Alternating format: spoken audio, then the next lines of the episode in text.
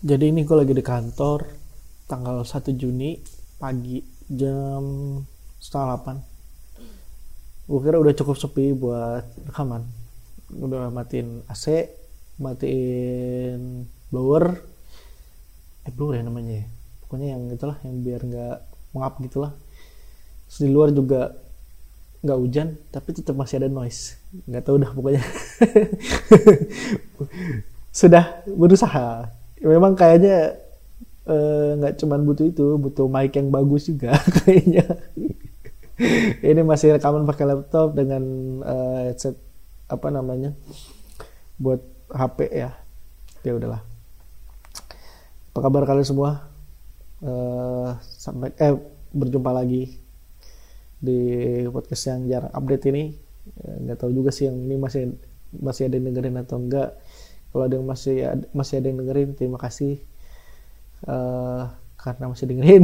Kalau gue bingung isinya apa update updatean doang kadang cuma review buku gitu-gitu.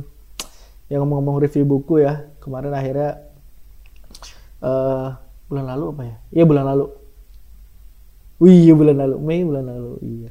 Uh, gue ikut ini lomba lomba review buku. Sebenarnya bukan review buku sih resensi buku sama ya? Ya itulah intinya. Jadi yang ngadain dari potluck podcast terus uh, kerja sama sama Gramedia sama Gosian Suara itu kayak yang distributor mic gitulah buat podcast dan lain-lain. Gue ikutan gue ngajakin Kiss uh, partner uh, podcast gue juga di Geekin Out kebetulan dia punya interest juga sama sama dunia perbukuan dan kayak dia lebih banyak tahu gitu. Akhirnya gue gue ajakin dia aja gitu.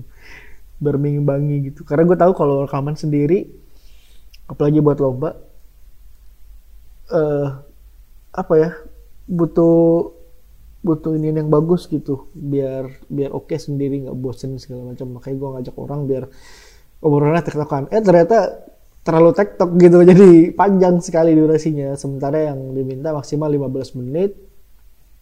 Gue malah bikin nyampe waktu itu rekaman 40-an ya udah gue berusaha cut cutin dapat sih 15 menit tapi sangat wah sangat kurang lah menurut gue kurang banget karena ya ya rekaman panjang dijadiin pendek gitu. Jadi banyak yang kepotong sementara obrolannya ngalir gitu.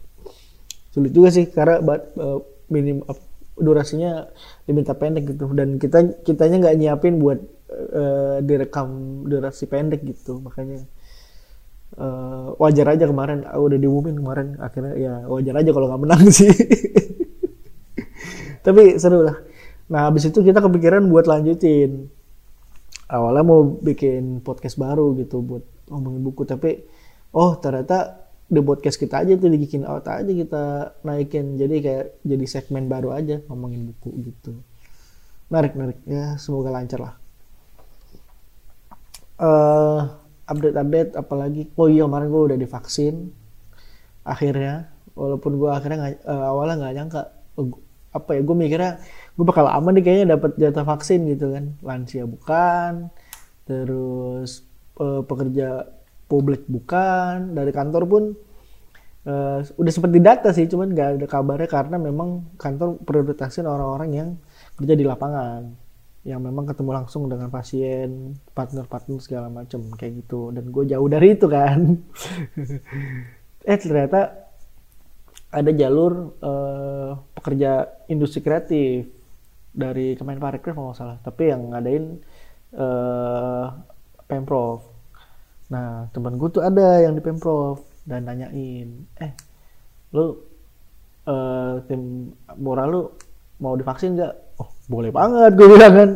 Iya kebetulan nih kita lagi kalau proyek-proyek sering keluar nih keluar uh, ke Jakarta gitu-gitu atau ke Bogor kemarin dengan ngerjain mural segala macam.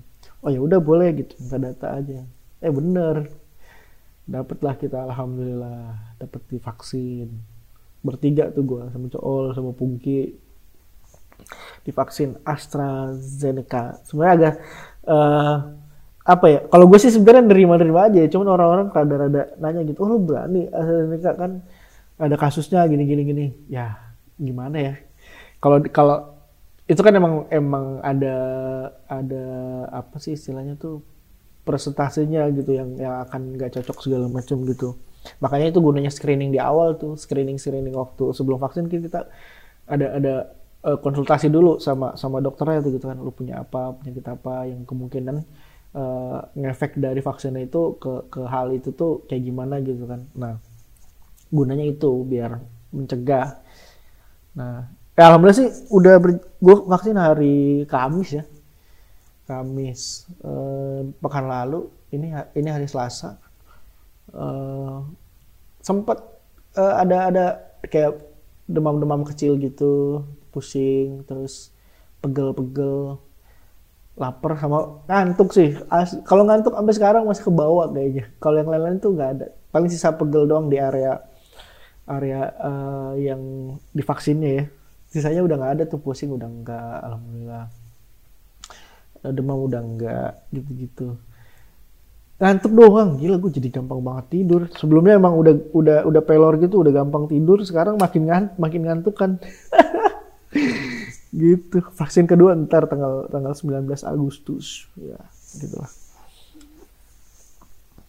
Gitu. Ya alhamdulillah sih akhirnya dapet uh, dapet jatah vaksin juga gitu. Walaupun karena sekarang buat yang di Jakarta ya gue nggak tahu provinsi lain. Udah dibuka juga di RT RW gitu. Jadi lu tanya aja lu daftarin atau uh, ngajuin diri buat divaksin. Karena kayaknya yang buat lansia udah diupayakan maksudnya udah di open segala macam tinggal yang nggak mau doang gitu. Yang yang mau mah udah kena semua kayaknya harusnya ya. Gitu. Eh, itu sih. Terus apa lagi ya? Oh gue juga pindahan. Mei kemarin itu. Gue pindahan ke sebenarnya sangat dekat ya. Jaraknya paling sekitar cuman seratusan meter dari kontrakan gue yang lama ke yang baru gini. Cuman emang uh, pindah nih alasannya selain karena udah agak lama di, di kontrakan yang lama itu udah tiga tahun berarti. Tiga, 2018 awal iya tiga tahun lebih lah. Butuh yang lebih luas sih space-nya gitu. Karena gue di sana udah berempat sekarang kan. Nyokap gue ada gue dua berempat gitu. Waktu itu ya ngerasa uh, udah apa ya rapet aja gitu. Uh, akhirnya kemarin nyari-nyari eh dapet sebenarnya. Kontrakan ini tuh udah diincer lama sama, sama nyokap gue dari pas dibangun gitu. Dia dia pernah ngomong kan sering lewat ya. Makanya deket banget. Dan ini lebih deket ke jalan raya gitu. Oh peng oh bagus nih rumahnya. Pengen nih tinggal di sini kata dia. Oh yaudah gue gue denger denger doang. Waktu itu udah jadi juga sempat nanya nanya berapa sih? gitu. Waktu itu dikasihnya harga setahun. Sebenarnya masih murah sih. Waktu itu dikasih setahun itu 1,3 1,3 berarti ya sebulannya ya sekitar satu jutaan kali ya. Sejutaan berapa gitu berarti ya. Karena bagi 12 kan. Iya terus uh, apa namanya? Penuh.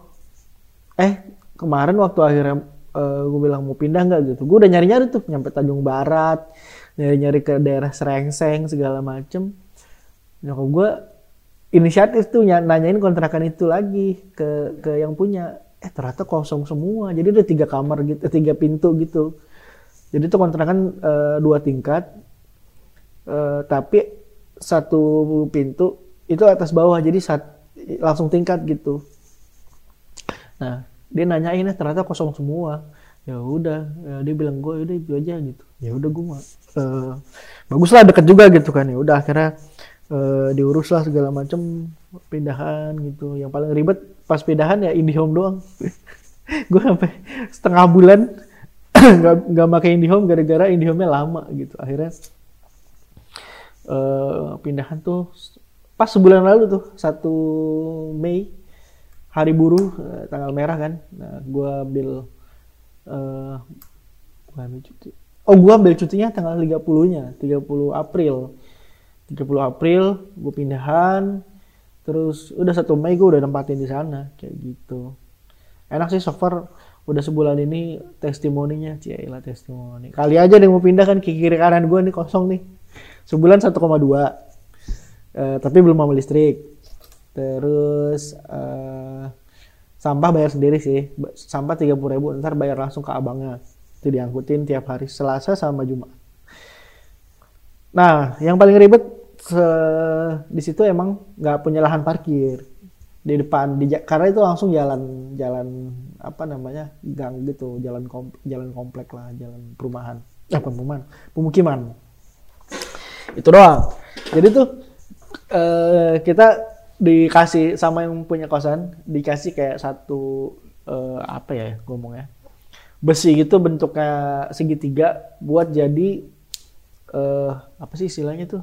Pokoknya alat bantu biar kita bisa naikin motor lah gitu. Karena ada lumayan tuh jarak jarak uh, dari aspal ke ke ta tanah ke kontrakannya itu itu ada sekitar 40 cm dari tanah gitu. Lumayan kan 40 cm dari tanah nggak mungkin kita ngangkat motor. Makanya disediain kayak besi gitu. Jadi tuh uh, gue tiap hari nurunin itu uh, angkat itu nurunin motor malam uh, pasang itu lagi naikin motor gitu. Ya agak effort karena emang gak punya lahan parkir tapi di luar itu gue su suka sih rumahnya baru masih bersih banget segala macem terus luas juga berasa banget. Gue berempat nih berasa luas lah pokoknya e, buat rumah itu gitu. Walaupun mungkin bentuknya nggak ada kamar ya jadi ngelos aja. Lantai bawah ngelos di paling belakang ada dapur kamar mandi naik tangga di atas juga ngelos aja gitu. Ada balkon sih buat ngejemur-jemur segala macam gitu. Tapi uh, sejauh ini gue uh, lumayan betah lah di situ. Walaupun gue nggak tahu orang-orang yang tinggal di situ sebelumnya nggak ada yang bertahan lama ya paling cuma berapa bulan gitu tapi gue kayaknya bisa lama di situ Gua udah pasang internet juga yang pasti bukan IndiHome karena saya sudah lelah dengan IndiHome. IndiHome IndiHome tahu nih orang-orang orang-orang yang yang lihat Twitter gue tahu nih gue sering banget ributin IndiHome. Iyalah capek gitu. Akhirnya sudah pindah ke Bisnet sekarang. Semoga langgeng sama Bisnet. Terima kasih Bisnet. Gitu. Jadi kalau lo mau pindah ke situ, ya gue jadi promosi nih. Tadi tuh 1,2 eh, tapi belum mobil listrik sih sama sampah. Nah, sama kalau lo mau pasang bisnet, gampang karena udah ada gua. Jadi tinggal lo pasang sebelah gitu. Bisa juga lebih murah dari ini kok. Gila deh. Jadi promoin macam-macam nih gua di episode ini. udah banget. Begitu kira-kira update kehidupan. Cerita apa lagi ya? Sebenarnya ada ada kayak ada bahasan gitu yang pengen gue obrolin bukan omongin gitu. Kayak hal-hal yang uh, kontemplatif gitu kan. Wah apa-apa gitu. Tapi kayaknya hilang gitu ya.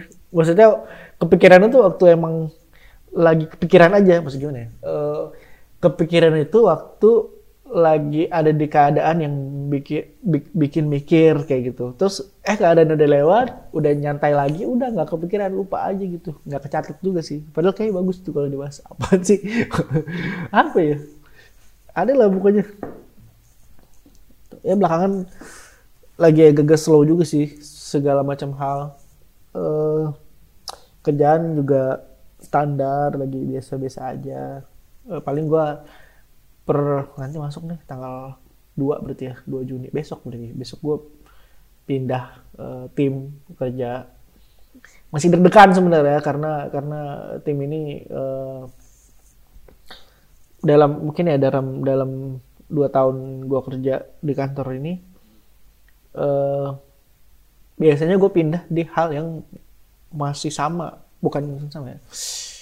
Skup kerjanya tuh uh, job desknya kurang lebih masih sama dengan apa yang di sebelumnya cuma beda orangnya aja. Nah kalau yang pindah kali ini gue job desknya ganti nih gitu. Jadi bukan yang biasa gue kerjain, tapi masih di bidang itu, cuman berubah fokus aja gitu dan gue masih deg-degan ah, gue bisa nggak ya nge, nge ngerjain ini gitu gue udah gue udah, udah menyampaikan keraguan ini ke ke manajer gue bilang oh, bisa lalu bisa lalu gitu ya. Ya semoga aja lah. Gue agak trauma sih dengan kegagalan kegagalan gue uh, dulu dulu gitu zaman kuliah atau sempet di organisasi tentang hal kayak gini. Tapi ya mungkin ini caranya biar bisa berkembang kali ya. Bukan di bukan uh, lari tapi emang dikelarin gitu. Maksudnya emang, emang harus berhasil di situ gitu ya itu sih. Uh, oh ini. Gue udah udah dari kapan ya? Kayak semenjak balik, balik dari Jogja. Gue menggandrungi main Pokemon Go. Emang dulu sempat main kan 2016 pas rilis sempat main. Ya, sebulan lah gitu. Terus karena memang waktu itu sulitnya di eh, ini ya di perangkat ya gitu. Karena Pokemon Go memorinya gede terus kedua baterainya lumayan menguras gitu jadi waktu itu akhirnya gue uninstall karena wah nggak sanggup nih HP gue nggak sanggup gitu sekarang sekarang sih standar HP udah mulai pada naik ya dan dan ya kalau buat Pokemon gue mah cukup-cukup aja lah apalagi, apalagi gue nggak main game-game berat kayak uh, apa namanya PUBG, ML gitu-gitu kali ya. Jadi sangat cukup gitu. Gue main Pokemon Go seru sih lumayan. Jadi tiap hari ada alasan keluar buat nyari Pokestop atau uh, nyari Pokemon, ngerait Pokemon gitu. Terus hampir tiap weekend tuh ada event. Gue bareng teman-teman uh, bisa main gitu walaupun jarak jauh ya. Tapi enaknya sekarang ya dimungkinkan sih main jarak jauh juga. Jadi uh, eh, gue cukup senang sih uh, dengan permainan ini. Sampai sekarang masih masih seru-serunya lah gitu enak sih karena ada temen ya. Gue di Depok ada ada si Cool. Jadi kadang-kadang dia kalau kalau kita ketemu nih bisa trade trade uh, trade Pokemon tukeran Pokemon. Atau pernah juga pas bulan puasa kemarin kita main bareng uh, di UI keliling-keliling UI sama di Ragunan tuh. Di Ragunan pas bulan puasa. Keliling-keliling Ragunan nyari-nyari Pokemon. Gitu. Nanti nih tanggal 6 kita mau ke kebun raya jadi Pokemon gitu. Terus yang di Jogja juga ada ada uh, Balung sama Aga. Uh, jadi kita ada grup yang ya udah emang gitu tempat tempat berkoordinasi gitu untuk Pokemon sama mereka. Kadang Google Meet uh, buat bahas apa sih kayak per Pokemonan juga gitu.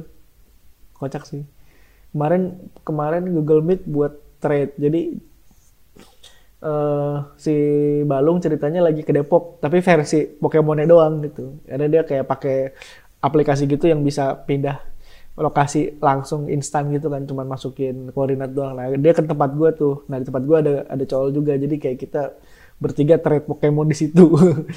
Balung ke gue balung ke cowol gue ke cowol kayak gitu bisa gitulah. Masih masih seru lah masih itu itu tapi gitu kayak gue mau sadar kalau gue kalau udah fokus dalam satu game gue nggak bisa main game yang lain gitu. Dulu tuh gue main ini kan sebelum Pokemon gue gue main Gunbone itu dari awal pandemi tuh. Awal pandemi gue main Gunbone sampai akhirnya gue ketemu ketemu Pokemon gue lagi gue install Pokemon gue lagi udah gue gak pernah nyentuh Gunbone lagi. Udah emang ternyata susah mau mau uh, ini gitu karena menurut gue ya gue ke game itu ya mungkin kayak apa ya istilahnya mungkin pelarian gitu. Misalnya kayak lagi mumet apa main game gitu. Tapi kalau pelariannya banyak gue jadi bingung. Gue lari yang ke mana gitu. Gitu sih jadinya. Tapi ya agak lucu juga sih. Nggak lucu sih. Ya biasa aja. Maksudnya eh, dulu tuh gue akhirnya sampai uninstall Pokemon Go tuh sosok ada alasan filosofisnya gitu. Enggak, enggak bukan karena katanya Pokemon itu artinya aku Yahudi bukan. Dulu dulu gue pernah punya uh, cerita lah gitu, kasus gitu bisa dibilang berkaitan dengan Pokemon yang membuat uh, gue sama TK dan satu teman lagi tuh hampir dikeluarin dari sekolah gitu. Ah tapi gue malas ceritain dia karena konyol banget. Cuman jadinya ya karena itu uh, kayak Pokemon itu membekas di gue dengan kayak aduh gini ya gitu. Konsekuensinya ke, karena kekeblokan kami ini gitu. Temen gue sampai akhirnya keluar kayak gitu gitu tapi ya ya udahlah. Itu masa lalu dan ya ternyata Pokemon gue seru gitu. Kenapa tidak dimainin di, apa dilanjutkan? Begitu. Apalagi ya? Hmm oh iya ini bulan Juni. Uh, bulan ini gue masuk 27 walaupun sebenarnya kalau secara kalender hijri ya udah sih karena gue akhir bulan Muharram. Udah 27 dari berapa bulan yang lalu. Iya nanti nih kayaknya. Berarti kalau mau haram lagi udah 28 gua. Bedanya jauh. Karena ya eh, kan bulan hijriah beda 11 hari lebih cep, lebih sedikit setiap tahun dia beda 11 hari. Jadi kayak dikali aja tuh 11 kali 20 berapa tahun ya bisa nyentuh. Balik ke jadi bisa selisih setahun gitu. Berarti kalau kalau misalnya udah puluhan tahun umurnya kalau dihitung sama hijriah tuh lumayan deh. Selisihnya bisa dua tahun tiga tahun kali ya. Kayak gitu ya. Iya. Ya nggak ada yang gimana gimana sih sampai umur 26 ini. Maksudnya awalnya tuh gue pengen wah merefleksi hidup. Wah 60 tahun hidup apa nih gini gini gini gini. Tapi kayaknya ya udahlah kayaknya nggak ada yang maksudnya dalam setahun ini pun nggak ada nggak ada perubahan yang berarti gitu. Dalam hal apa pun. Uh, ya kehidupan juga kan lagi kayak gini susah ya mau progres apa pun ya. Bisa sih tapi terlalu effort aja gitu buat hidup minimum aja tuh udah lumayan effort gitu mengadjust uh, mengadjust kebiasaan segala macam biar biar ada di titik ini tuh biar bisa nyaman dan dan uh, uh, nerima gitu keadaan-keadaan gitu. Tapi gitu. Jadi 27 ya ini aja sih. Yang paling yang menjadi menarik adalah uh, kan ada tuh istilah uh, 27 Club gitu kan yang katanya orang-orang yang mati di umur 27 orang-orang terkenal sih. Tapi kayak kalau gue mati di umur 27 juga gak ada yang kenal kan. Jadi buat apa? Mereka-mereka yang mati muda gitu kan kayak Kurt Cobain ya? Cobain gitu-gitu. Nggak inget listnya tapi banyak yang mati di umur 27 orang-orang terkenal dan kebanyakan orang luar. Ya karena yang bentuk mereka maksudnya bentuk istilahnya itu. Istilahnya kan mereka. Just ya udah. Mungkin itu yang bikin angka 27 agak spesial bagi banyak orang gitu. Oh gue ingat. Gue inget satu kutipan dari film. Filmnya ini gue baru nonton tuh. Eh, tiga hari untuk selamanya. Film lama itu 2000-an Nikola Saputra. Di situ ceritanya dia masih umur 19 tahun tuh masih 19 baru lulus SMA mau mau kuliah gitu. Terus dia bilang sama sama sepupunya si gue lupa nama karakternya. Yang si inilah pokoknya uh, lupa juga nama orangnya lagi. Yang main di ADC juga teman cinta tuh. Carmen siapa yang namanya? Nah lupa gue nah dia bilang gini umur 27 tuh umur yang uh, di mana oleh Allah tuh pintu-pintu kita dibuka. Tapi buat Kurt Cobain sih ditutup ya. gitu ya gitu. Maksudnya ada hal itu kayak jadi fase hidup sendiri gitu. Gue nggak tahu dia referensinya apa eh, dan kata-kata itu dari mana, tapi dia bilang kurang lebih gitu. Umur 27 eh, sesuatu buat orang tuh dibuka kesempatan segala macam apa tantangan fase hidup baru gitu. Mungkin karena karena mungkin ya di umur 27 bagi banyak orang uh, uh, salah satu aspek aja nih karir misalnya misalnya dia udah uh, kan lulus kuliah itu anggaplah umur 22 sampai 25 lah gitu misalnya. Nah, 27 itu udah secara karir kalau misalnya udah kerja dari dari tahun eh, umur segitu berarti 27 itu udah di fase lumayan uh, setelah minimal lu udah karyawan tetap. Kalau lu nggak pindah-pindah gitu ya misalnya lu udah karyawan tetap, terus uh, mungkin posisi lo udah bukan junior lagi udah naik gitu kan. Senior staff gitu atau mungkin malah manajer bagi sebagian orang gitu-gitu. Tapi kan ya itu kebanyakan walaupun nggak semua dan nggak harus kayak gitu kan. Makanya mungkin uh, ada anggapan kalau ya umur 27 tuh umur-umur yang spesial lah gitu. Walaupun ya kayak semua umur ada yang bilang umur spesial 25 lah katanya spesial gitu 30 lah 40 lah ntar gitu. Tapi ya gitu. 27 mungkin udah ada yang uh, apa nikah gitu. Udah banyak malah temen gue yang udah di umur 27 malah udah punya anak segala macem. Jadi kayak ada fase-fase hidup yang udah berubah aja gitu. Walaupun tadi sekali lagi nggak harus nggak harus sama nggak mesti sama. Ikutin pace pace, uh, pace masing-masing aja. Lagi kayak gimana kehidupannya nggak mesti sama nggak mesti harus terpressure untuk ngikutin oh dia nih umur segini udah kayak gini. Uh, kalau terlalu pressure kan capek ya ngelihat wah gila dia di bawah 30 uh, apa Forbes under 30 gitu kan. Kita mah 30 under pressure gitu kan.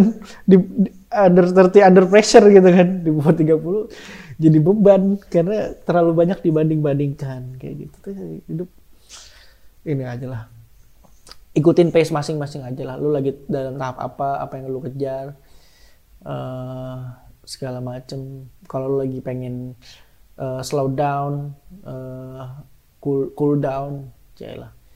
Cool down segala macam ya udah lu jalanin dulu. Nggak usah terlalu ngoyo gitu. Ya tapi tapi nggak sih bebas sih. Kok jadi ngatur ngatur ya? Lah ngatur gitu katanya. Lah ngatur. Nggak gitu aja kali ya. Udah ya. Pokoknya uh, selamat selamat apa ya? Lebaran udah lewat udah jauh. Puasa juga udah. Ya pokoknya semoga kalian uh, sehat-sehat selalu. Uh, doain orang-orang terdekat kalian juga uh, kalau bisa reach out ngobrol. Minimal nyapa orang-orang terdekat kalian. Ucapin terima kasih. Ucapin uh, doa-doa yang baik. Terus kasih kabar baik ke orang-orang. Ya seminimal-minimalnya install story lah. Kalau kalau kalian uh, ini. Kadang-kadang gue tuh gue tuh bersyukur loh orang-orang yang update kabar-kabar dia lewat story walaupun gak langsung ngejapri ngapain juga gitu. Maksudnya gue jadi tahu oh dia dia lagi dalam keadaan oke okay, dalam keadaan baik bersyukur gue ikut bahagia dengan orang-orang itu orang-orang sekitar gue gitu. Nggak apa-apa loh. Nggak masalah maksudnya kalaupun di storynya itu tidak ada isi, tidak eh, artinya tidak ada faedahnya nggak ada apa-apanya nggak apa-apa lah. Kalau mau update kehidupan gitu ya seminimalnya kita jadi tahu oh dia masih uh, kalau atau kalau dia ada masalah uh, dan kita kebetulan bisa bantu. Karena ada tuh orang yang misalnya nanya eh ada yang uh, tahu ini nggak? segala macam nanya sesuatu ya udah dijawab kalau memang kita punya jawaban gitu. Gitu. Tapi baik ada baiknya juga kita nge-reach out teman-teman kita yang udah lama teman lama atau teman-teman yang sempat uh, kita sering berkomunikasi tapi terputus jarak dan waktu dan pandemi. Ya gak apa-apa. Sapa-sapa gitu. Tadi gue juga abis ini kayaknya mau nyapa-nyapa temen gue mumpung libur juga kan. Iya. Ya gitu. Selamat libur pokoknya. Nggak tahu ini rilis kapan. Tapi thank you lah udah dengerin. Dan sampai ketemu lagi